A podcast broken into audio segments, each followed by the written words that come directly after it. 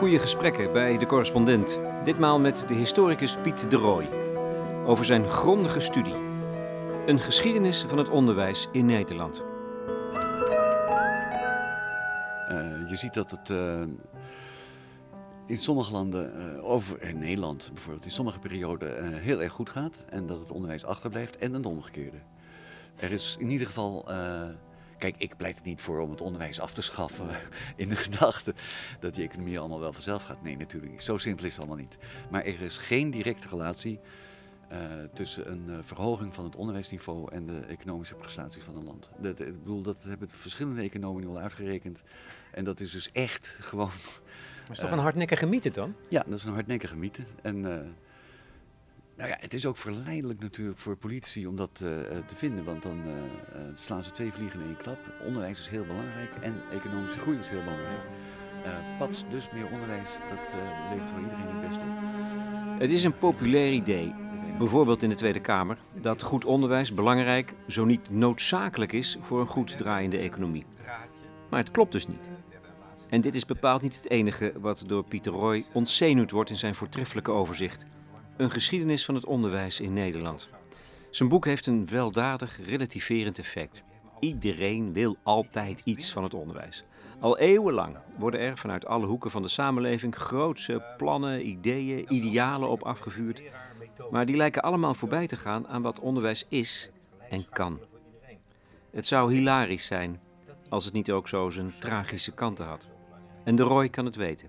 Hij was zelf tot 2009 hoogleraar geschiedenis van Nederland zijn vader werkte zijn leven lang in het onderwijs. Het zit hem dus in het bloed.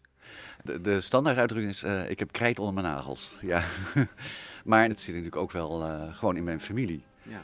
Uh, mijn vader is dus echt eigenlijk al als jongen in het onderwijs begonnen en is daar en daardoor groot geworden. Al zijn leven lang, dus hij heeft niet zo lang geleefd, maar zijn leven lang in het onderwijs gewerkt.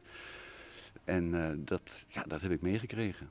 En ik heb uh, in de middelbare school al besloten van uh, eigenlijk wil ik uh, leraar worden. Dat, het onderwijs in. Wat, wat krijg je dan precies mee? nou, weet je, men zegt dan altijd dat het zo ontzettend belangrijk en aardig is en interessant en weet ik veel om kinderen iets bij te brengen. Maar het grappige is dat om kinderen iets bij te brengen moet je het eerst zelf snappen. En dat is die dubbelheid. Hè? Dus dat je zelf meester wordt van een stuk uh, literatuur of een uh, stuk geschiedenis, of in mijn geval dan. Uh, want anders kan je het niet goed overbrengen. Je moet boven de stof staan om ah, ja. dat interessant te kunnen maken voor, voor anderen. En het is die dubbelheid. Zowel anderen iets bijbrengen en hun leven proberen rijker te maken, als zelf meester te worden over een, een stuk cultuur. En dat is het gekke, daardoor is het ook nooit saai. Ook als het vaak over dezelfde dingen gaat. Echt krijt onder de nagels, hè? Ja, ja, ja. Ja, ja. ja nee, wat dat betreft ben ik uh, niet heel erg kapot van moderne hulpmiddelen. Ik hou nog echt gewoon graag een ja? krijtje vast. Ja, ja, ja. ja. En wat ik betekent heb, dat dan? Ik, nou, ik heb op de universiteit, uh, uh, wou ik helemaal niks met digiborden en dat soort onzin. En gewoon een ouderwets bord, krijtje in mijn hand en een, en een bordenwisser. En zo nu dan eens even ruim opzetten. Dat, dat vond ik leuk. En als je dit nou weet, met welke intentie wilde je dit boek dan maken? Ik kan het ook anders formuleren. Zat je iets dwars? Uh, ja, uh, eigenlijk is uh, wat me dwars zat, dat is dat er een, in de samenleving enorm veel lippendienst wordt bewezen aan het feit hoe belangrijk onderwijs is. En aan de andere kant zie je een soort onderwerping van het onderwijs aan uh, uh, efficiëntie streven. En dat dat wringt. En daardoor is. Hè, dus men zegt bijvoorbeeld dat het onderwijs het beste uit het kind moet halen. En dat ieder kind er één is. En dat hij, hij of zij zijn eigen aard en begaafdheden zoveel mogelijk tot ontwikkeling moet kunnen brengen. En dat je daar moet helpen, et cetera. En aan de andere kant zie je een verschrikkelijke bureaucratisering en een verschrikkelijke eenvormigheid uh, en, een, en een soort afrekencultuur uh, eroverheen. En dat wringt enorm. En de, de, de symbolische uitdrukking daarvan is dat, dat permanente gezeur over vernieuwing. Het onderwijs moet totaal anders. En dat zat me op een gegeven moment enorm dwars. toen dacht ik, zolang men op die manier over vernieuwing praat, wat in feite eigenlijk alleen maar een soort efficiëntieslag is, ziet men niet de waarde in van het onderwijs. En ziet men eigenlijk ook niet in dat het onderwijs als een soort koraalrif hè, in de loop der tijden is gegroeid. En over zijn eigen vaardigheden en inzichten en, en instincten bijna uh, beschikt.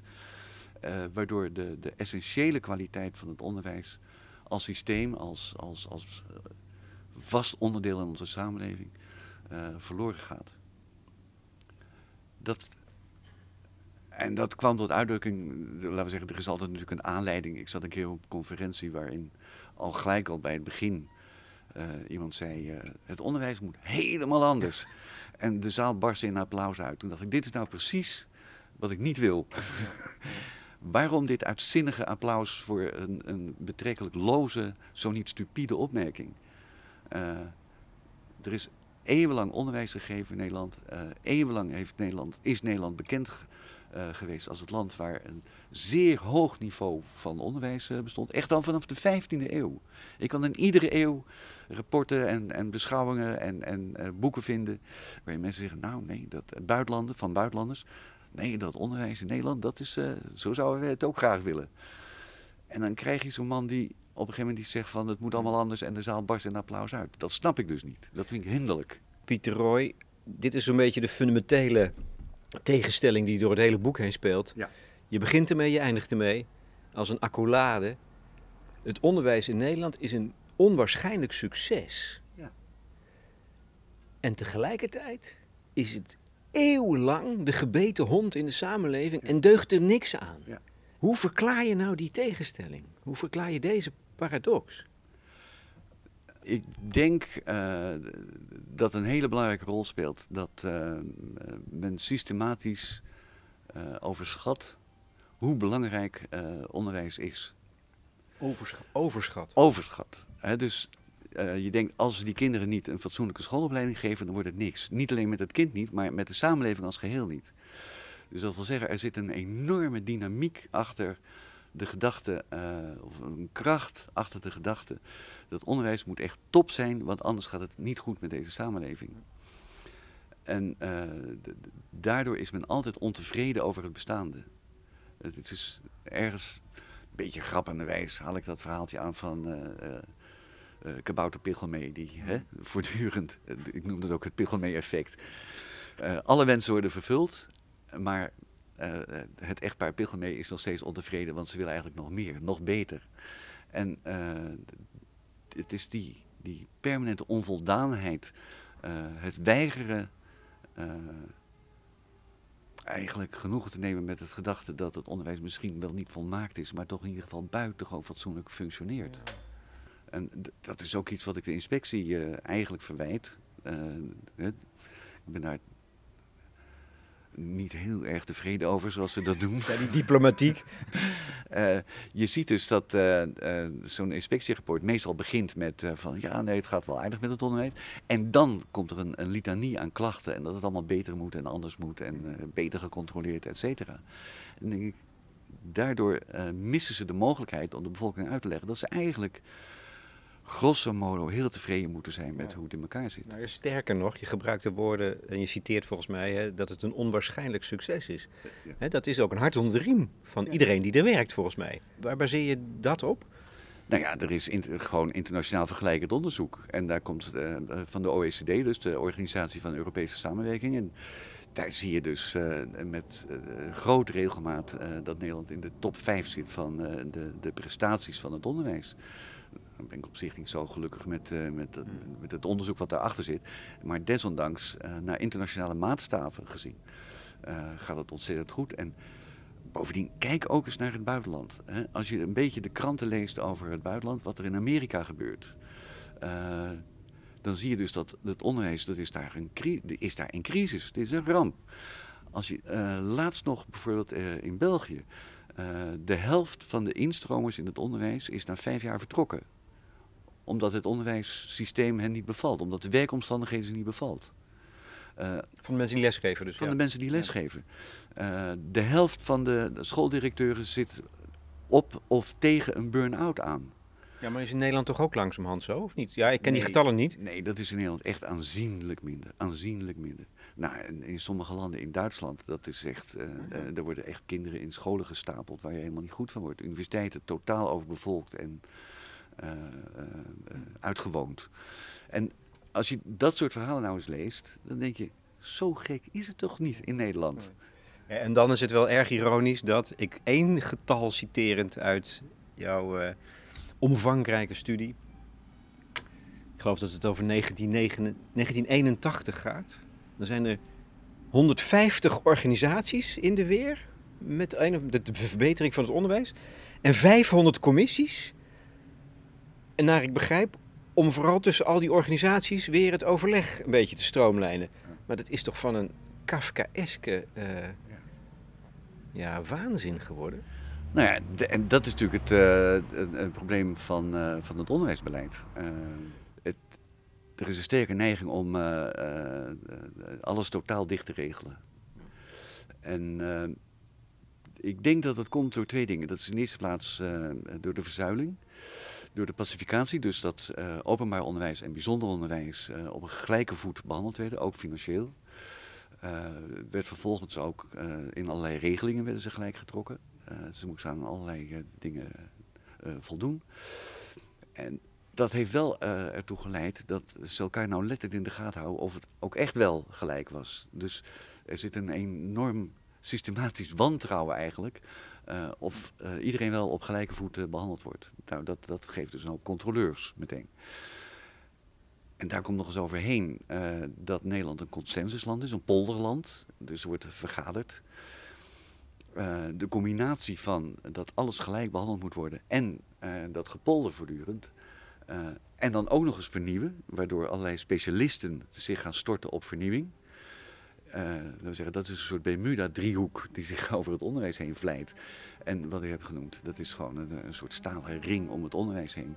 Waardoor ook, uh, voor, zelfs voor een ministerie, er eigenlijk geen doorkomen aan is. Het is afhankelijk van de uitkomsten van ja, massaal een soort Poolse landdag, nu dan. Uh, en ouders komen er al helemaal niet aan te pas als je als ouder iets wil, als je invloed wil op het onderwijs, dan moet je ongeveer een eigen school stichten met alle moeilijkheden van dien.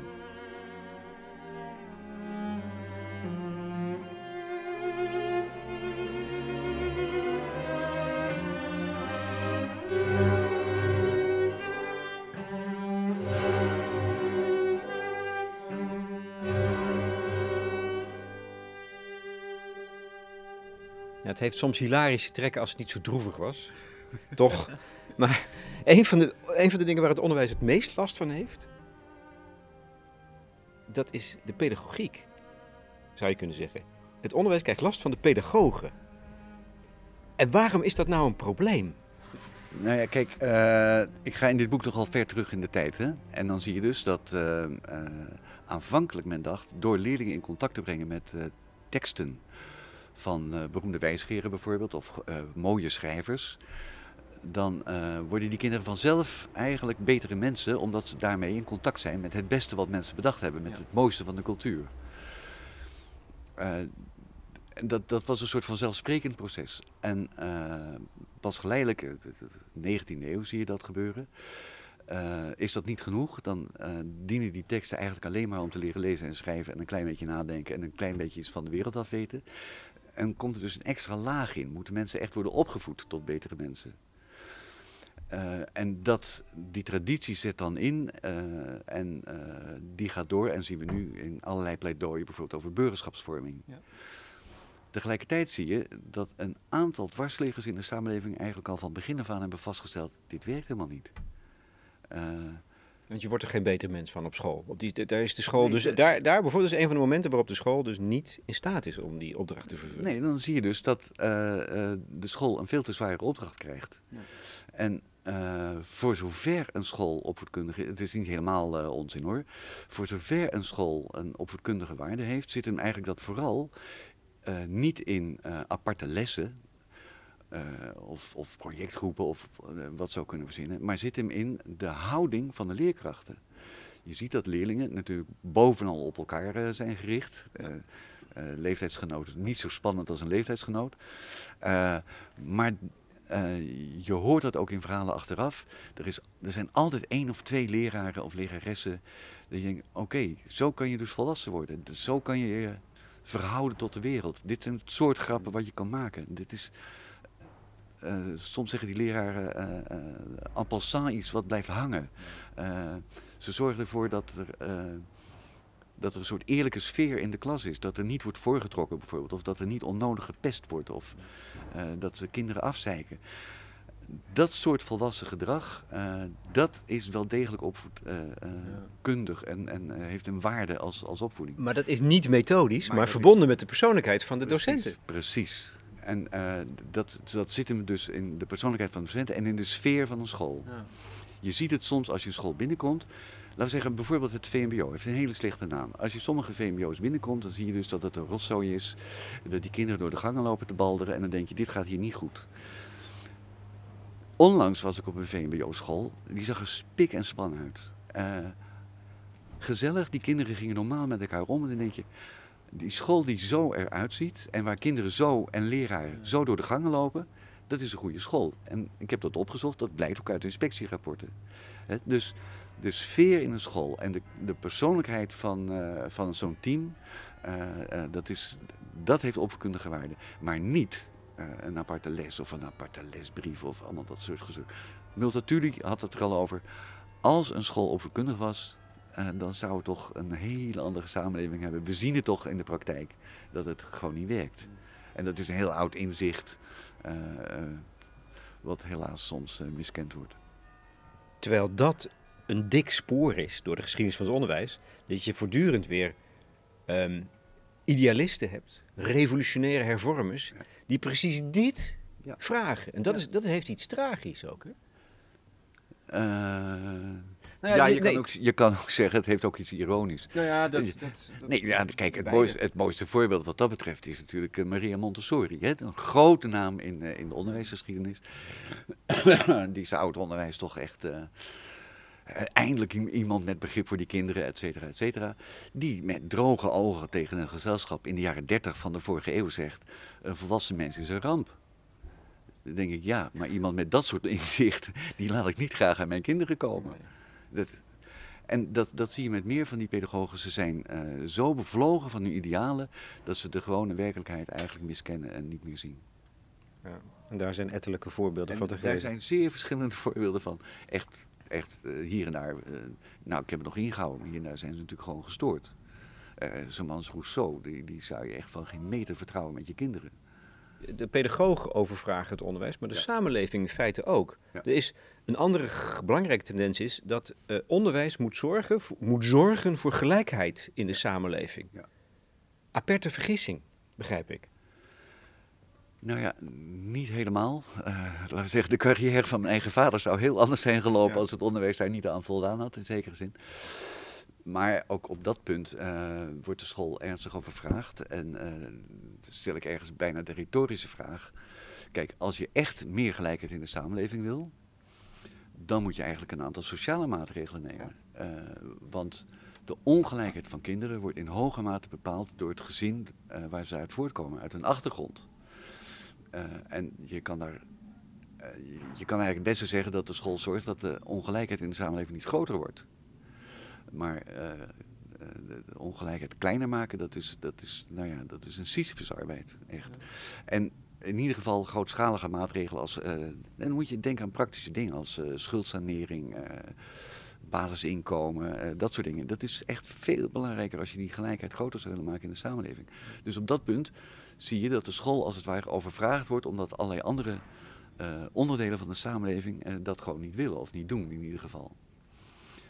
En daarmee is de school opgezadeld met een uh, betrekkelijk onmogelijke taak. Ja, ja een, een, een, een, voorbeeld op dit punt vind ik de, de, wat je samen kunt brengen onder meritocratie. Ja. er is wel een heel erg grote doorstroming gekomen ja. van talent, dus ook uit, uit alle, alle milieus zou je kunnen zeggen. Zeker. Maar dat heeft ook weer zijn slachtoffers. Dat het succes van de meritocratie heeft ook zijn slachtoffers. Hè? Dat is een voorbeeld nog, ja. zou je kunnen zeggen, van... Ja, je, ziet, je ziet als ware twee bewegingen. Het ene is, dat is de oude gedachte dat uh, als het uh, onderwijsniveau uh, stijgt, dat daarmee de gelijkheid zou toenemen. Dat is dus niet zo. Het is hetzelfde als met water. als het water stijgt, stijgen alle boten.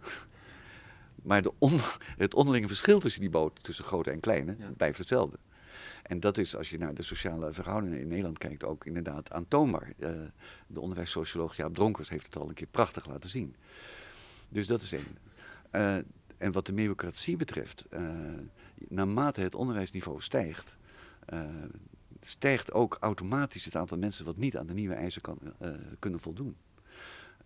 Dus wat dat betreft heeft een Engelse socioloog wel eens gezegd, ja, meer gelijkheid is vooral de vrijheid om anderen achter te laten. En dat zie je dus in het gehannes rond speciaal onderwijs heel sterk. En ja, daar, laten we zeggen, de ene beleidsverandering op de andere is daar gestapeld. En een, zeker begrip voor dat niet iedereen mee kon komen. is matig. Dit gezegd zijnde, dan hebben we het over Nederland. Internationaal gezien is de afstand in de onderwijsmogelijkheden voor kinderen van zeer verschillend intellectueel niveau heel klein het Nederlands onderwijssysteem is, als je het internationaal vergelijkt, nogal samengedrukt.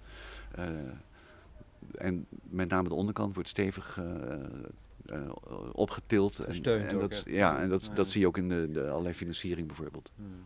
Maar dat is dan toch een kleine manier om die ongelijkheid, in dit geval in talent zou je kunnen zeggen, of in in cognitieve vaardigheden, want daar hebben we het dan misschien wel meer over. Nou ja, dat, kijk, en dat hangt heel sterk samen met, met de, de, de, de echte eeuwenoude structurele overwaardering voor eh, de theoretische kant. Ja.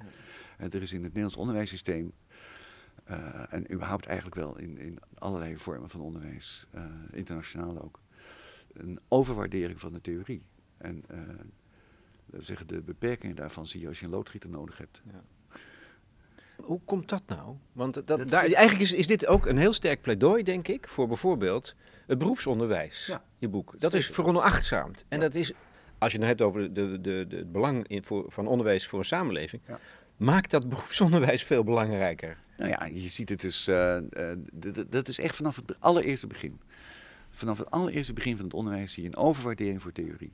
De praktische vaardigheden, uh, dat is iets wat je uh, niet op een school leert, maar dat leer je gewoon in het leven. Uh, of dat leer je van een ambachtsman of van een, uh, een, leermeester of zoiets.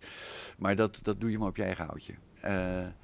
en dat is een traditie die er echt vanaf het allereerste begin in zit. En die we merkwaardigerwijs tot op de dag van vandaag hebben volgehouden. Dus, en is het onzin, vind jij? Schoolmeester.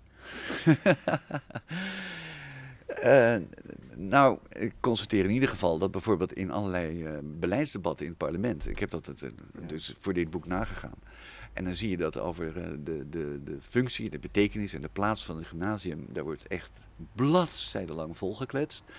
En over zoiets als een ambachtschool, die wordt op de namiddag afgeschaft en opgenomen met de MULO in een VMBO. Uh, je ziet dus dat de, de, de aandacht uh, in, het, in het publieke debat voor het praktisch onderwijs, uh, die, nou, die valt ongeveer weg. als je dat vergelijkt met de aandacht die gegeven wordt aan het voorbereid wetenschappelijk onderwijs.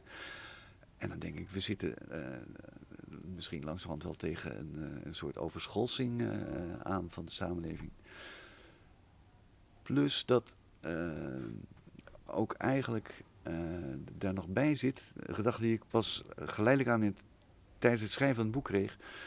Uh, de school gaat natuurlijk over een, een bepaald uh, segment van weten. Er zijn allerlei dingen die kinderen en volwassenen bu geheel buitenschool om leren. Ook daar is heel weinig aandacht voor. Neem nou bijvoorbeeld, toch betrekkelijk recent, de digitale revolutie. Als je kijkt naar hoe kinderen met een, met een iPhone omgaan. Ja. Leren ze niet op school. dat, kunnen veel leraren niet bijbenen, zal ik maar zeggen. Mijn, mijn eigen zoon, die, die, uh, die zat op een computer te programmeren... terwijl de leraar wiskunde op zijn uh, middelbare school iets had van... oh, uh, ja, computer, ingewikkeld. En, en ouders maar proberen krampachtig dat tegen te houden... want ze zitten te veel uren daaraan. ja, nee, maar goed. Die hele digitale revolutie is dus grotendeels eigenlijk volledig buitenschool omgegaan. En dat is een heel essentieel onderdeel van onze samenleving. En je ziet dus nu in, in dat, dat gezeur over die, die 20 eh, 21st century skills. Hè, dus dat, dat kinderen opgeleid zouden moeten worden om eh, meer met eh, dit soort dingen om te kunnen gaan, et cetera. Dat is al lang gebeurd.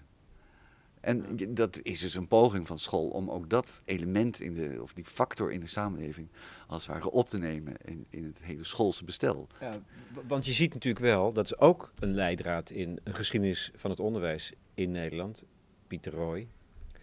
Voortdurend dus pogingen om al die andere, er- wat je zou kunnen zeggen, ervaring of professionaliteit, om die wel steeds weer in het onderwijs in te brengen. Je hebt die, dit is ook zo'n pendelbeweging. Dus Ja. kennis, theorie, praktijk, aan de andere kant ervaring. Hoe zie je het?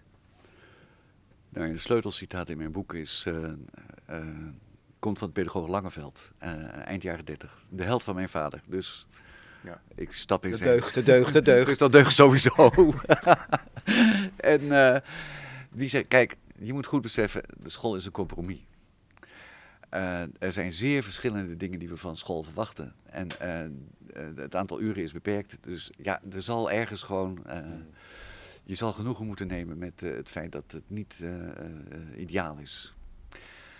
En als je nou op een gewone school met gewone leraren en met gewone kinderen zit, dan, eh, dan gaat het eigenlijk al best aardig. En je moet niet denken dat je eh, door iets te veranderen, dat je dan eh, een, een ideaal of een soort paradijs op, een schoolsparadijs op aarde weet te vestigen. Dus ja, een school zal ze nu dan wat, wat aanpassen en wat veranderen. De, school door de eeuwen heen volgt de samenleving en de ontwikkelingen daarin. Dus als de samenleving praktische vakken eh, belangrijker gaat vinden, dan zal je zien dat op termijn ook dat wordt opgenomen in, eh, in het onderwijs. En dat, dat zie je bijvoorbeeld in de huidige vorm van, eh van het technasium, waarin eh, veel meer aandacht wordt geschonken aan eh, eh, niet meer de klassieke beelddoen, maar aan eh, een aantal praktische vaardigheden gekoppeld aan een aantal moderne vakken. Ja, dat gaat straks ook voor digitale vaardigheden gelden En- natuurlijk. Die komen straks natuurlijk ook weer de school binnen. Tuurlijk, dat, op een gegeven moment druppelt dat gewoon weer naar binnen. Alleen geleidelijk aan en voor een deel ook met een aantal experimenten. En dan krijg je best practices. Dus je kijkt eens naar andere scholen, hoe doen ze het daar. En dan kan je dat overnemen. En dan zit je ook niet meer met, eh, met de beginnersfouten. Nee, maar, maar ben je dan ook niet een groot voorstander van het reduceren van die aandacht voor kennis en theorie? Jij bent volgens mij niet een liefhebber van het gymnasium, om maar eens iets te noemen. Nou ja, ik heb wel zelf op een gymnasiumafdeling gezeten. En Ja, maar je had het mogen afschaffen, toch? En de kinderen naar mijn kinderen naar, allebei naar het gymnasium gestuurd. Eh, Waarom eigenlijk? Waarom heb je dat gedaan? Eh, ik heb mij achteraf gerealiseerd dat dat eigenlijk is omdat je daarmee eh, voor je kinderen kiest voor leeftijdsgenoten uit je eigen eh, sociale laag. Dat is heel sterk bepaald, bepaald door, door de sociale laag waar je, waar je in eh, toe wilt behoren. En dat gaat dus niet zo erg om het feit dat ik zo ontzettend op prijs heb gesteld dat mijn kinderen Grieks hebben gekregen. In de gewone Want dat is onzin. nou ja, in de Duitse praktijk heb je daar erg weinig aan. Je kan sommige doktersrecepten een beetje eh, ontcijferen. Eh, maar het gaat om, eh, dus, nogmaals, de sfeer die op zo'n school heerst. En die is, die is dus heel erg belangrijk. Want dat is een van de allerbelangrijkste positieve dingen, blijft ook steeds, dat een school een gemeenschap is van peers. Ja. Dat, dat kun je niet genoeg, als het ware, ondersteunen. Ja. De onderlinge contacten, een gemeenschap vormen waar ze misschien wel zoveel meer leren dan in het klaslokaal. Nou ja, dat, dat is waarom de Amerikaanse psycholoog Judith Harris ook gezegd heeft. De belangrijkste beslissing die je voor je kinderen neemt, is naar welke middelbare school je stuurt. Omdat je daarmee bepaalt in welke peergroep ze terechtkomen. En eh, eh, ik heb eigenlijk niks gevonden wat eh, daar afbreuk aan doet.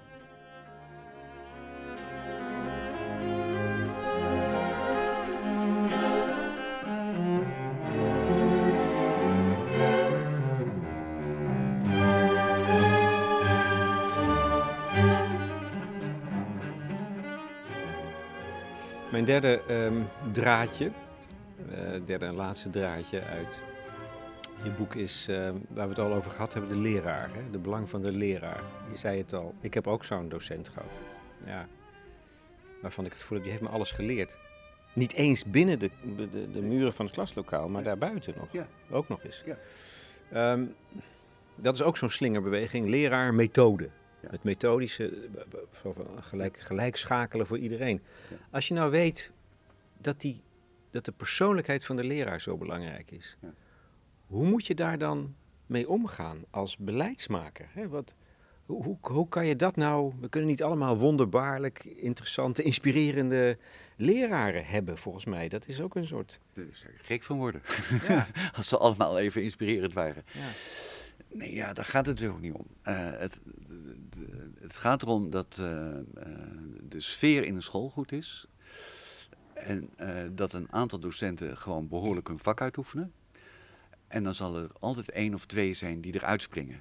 En dat zal bovendien, zullen dat lang niet altijd dezelfde zijn. Hè? Voor sommige leerlingen zal het de leraar gymnastiek zijn. En voor anderen de leraar Latijn of, of Engels, whatever. Ehm, en eh, dat, dat zijn dan de mensen waar eh, soms min of meer toevallig eh, je aan hecht en, en waar je mee identificeert. Of die Het heeft ook met je persoonlijke geschiedenis te maken en je eigen karakter. Natuurlijk, natuurlijk. Omdat het dus altijd een relatie is tussen leerling Ja. en leraar. Het is niet zo dat,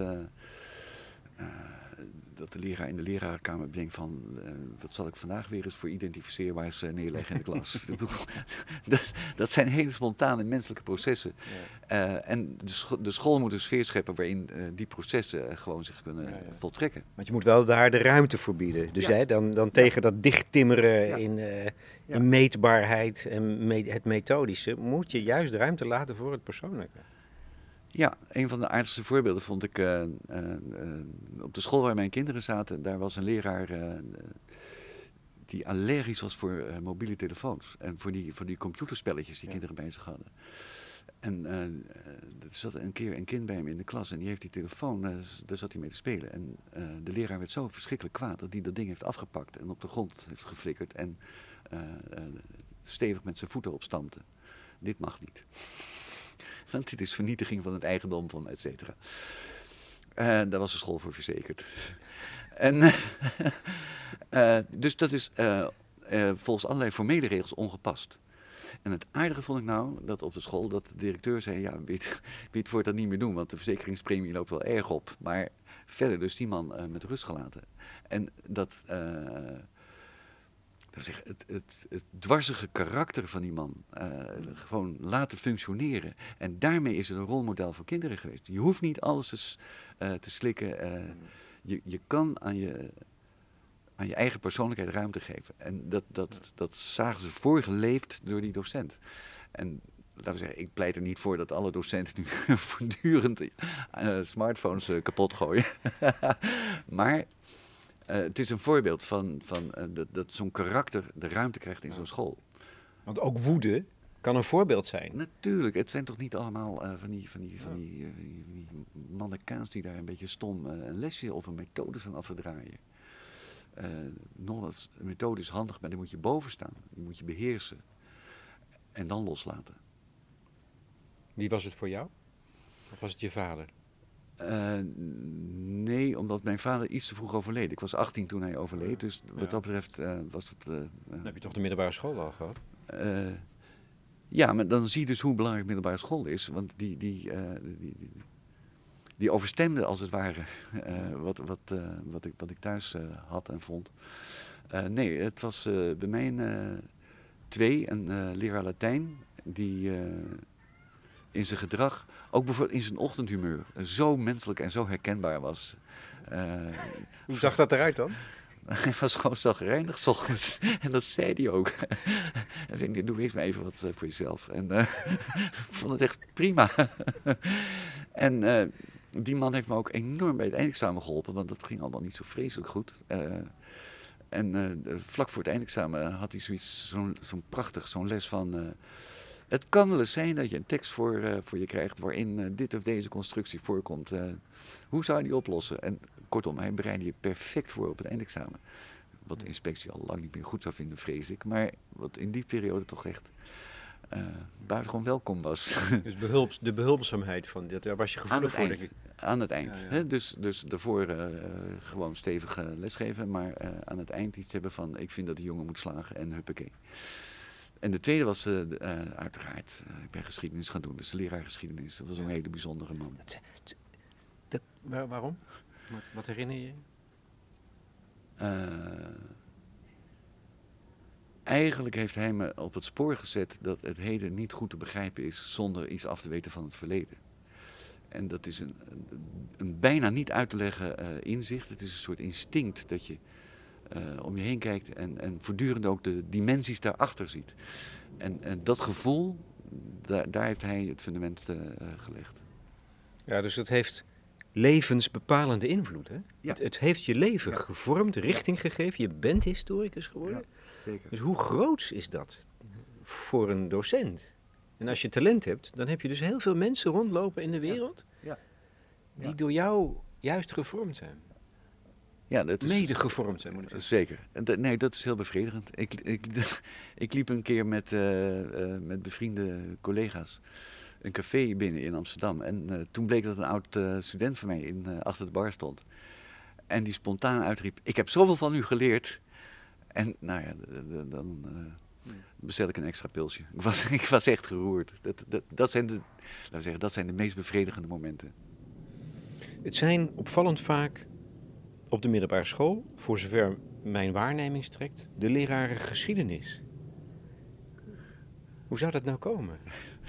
Ja, geen idee. Als ik, als ik dat nou wist. uh... Nou, misschien relativeert wel de geschiedenis, de blik op de geschiedenis, ons heden. Weet je, we hebben, nou, als het nou bijvoorbeeld over het onderwijs gaat, die totaal overspannen verwachting, ja. die we nog steeds in, enorm is, in de hele samenleving een rol speelt, ook bij ouders, niet alleen bij beleidsmakers. Jij kijkt naar de geschiedenis en, en komt terug met een aantal zeer relativerende waarnemingen natuurlijk. Ja. ja. zou het wel eens kunnen zijn, de relativering? Uh, ja, ik denk dat de historici in het algemeen ingeënt zijn tegen uh, iets als de absolute waarheid. Uh, de, waarheid de werkelijkheid heeft meer kanten. En in ons vak proberen we zoveel mogelijk van die kanten in een samenhangend beeld te brengen. En dat brengt dus ook een zekere relativering met zich mee van al te absolute gedachten en opvattingen. En bijvoorbeeld in dit boek echt een sleutelsinn. Uh, is dat. Kijk, ik ben natuurlijk door het hele boek heen nogal ironisch over allerlei mensen die van alles ja. en nog wat beweren. Maar je hebt je beheerst volgens mij. Maar... En ik ben gewaarschuwd, dus ik heb me ook nog wat ingehouden, ook zelfs. En wat dat betreft zou je kunnen zeggen dat in dit boek eigenlijk naar voren wordt gebracht van, moet je horen, al dat gedoe met het onderwijs, dat staat allemaal nergens op. En dat gaat in principe allemaal een beetje vanzelf. En dat is dus niet zo. De sleutelzin dan in mijn boek is, niet Ieder ideaal is een illusie. Je kan niet zonder idealen. Alleen uh, verabsoluteer het niet, leg het niet vast in, in die eindeloze regelgeving. Verstik het niet onder ja. eindeloos vergaderen en, en mallodig opgeklopte eindtermen. maar zie een beetje de ziel van het onderwijs en waar het naartoe moet. Namelijk dat we kinderen op een beetje prettige manier opnemen in een traditie en in een cultuur. Dat is het. Dat is de opdracht. Dat is wat mij betreft de opdracht. En dat kan binnen het, de, zoals je dat noemt, de huidige grammatica van ons schoolsysteem, ons onderwijssysteem. Want die, dat is ook wel weer ironisch, blijft gewoon, ondanks al die stormen van vernieuwingsdrang, blijft die hetzelfde. Hè? Een, een klaslokaal, 30 leerlingen, docent met vakkennis, dat blijft gewoon toch ondanks alles hetzelfde. Ja. En dus, dus, dus dat wat je nu zegt, die opdracht, kunnen we binnen dat, die huidige grammatica uitoefenen? Uh, ja, dat uh, uh, denk ik wel. Ehm,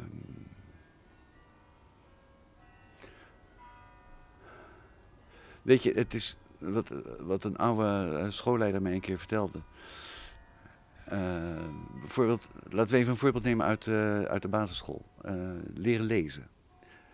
Er zijn verschillende methoden.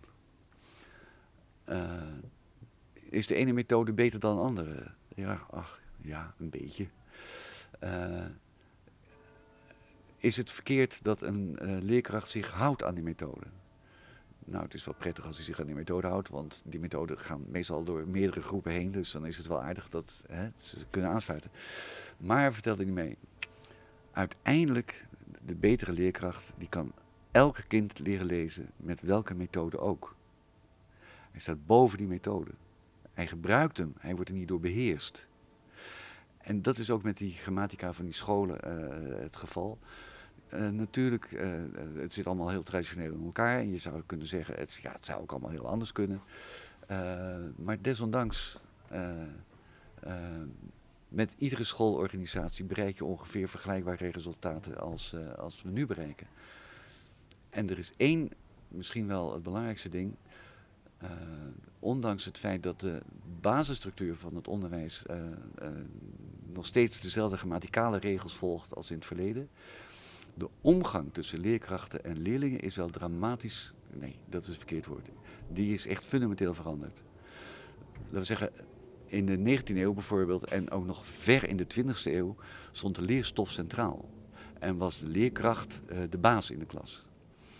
En nu is het, uh, gaat het veel meer om een soort persoonlijke verhouding tussen leerkracht en leerling.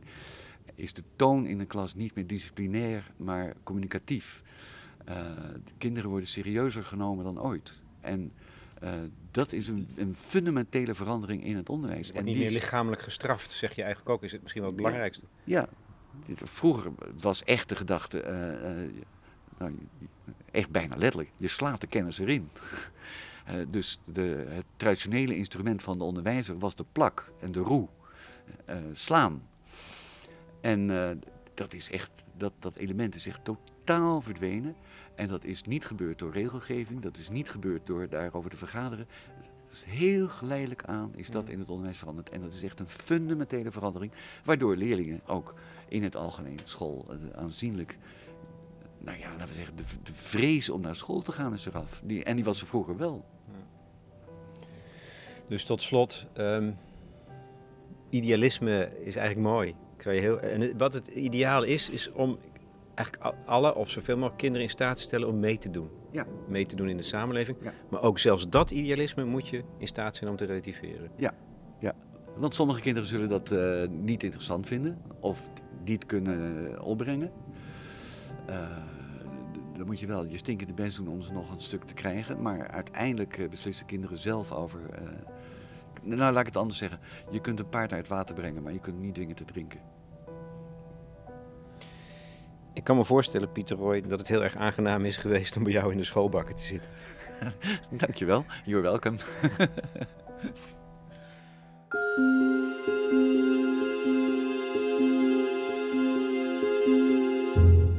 Piet de Roy in gesprek met Lex Bolmeijer voor de correspondent over zijn boek Een geschiedenis van het onderwijs in Nederland. Dat is uitgebracht door de Wereldbibliotheek.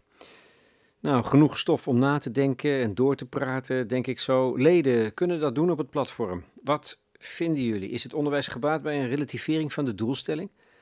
En zit de echte kracht, die beslissend kan zijn voor de loop van een leven, inderdaad in de persoonlijkheid van de leraar?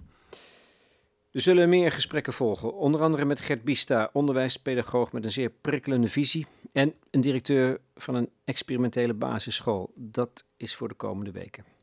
Intussen zijn ook de collega's actief van het podcasten. Rutger Brechtman maakt tegenwoordig stevast een gesproken versie van zijn stukken.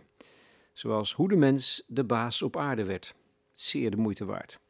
En de muziek tenslotte, een elegie van Fauré, werd gespeeld door Harriet Krijg op de cello.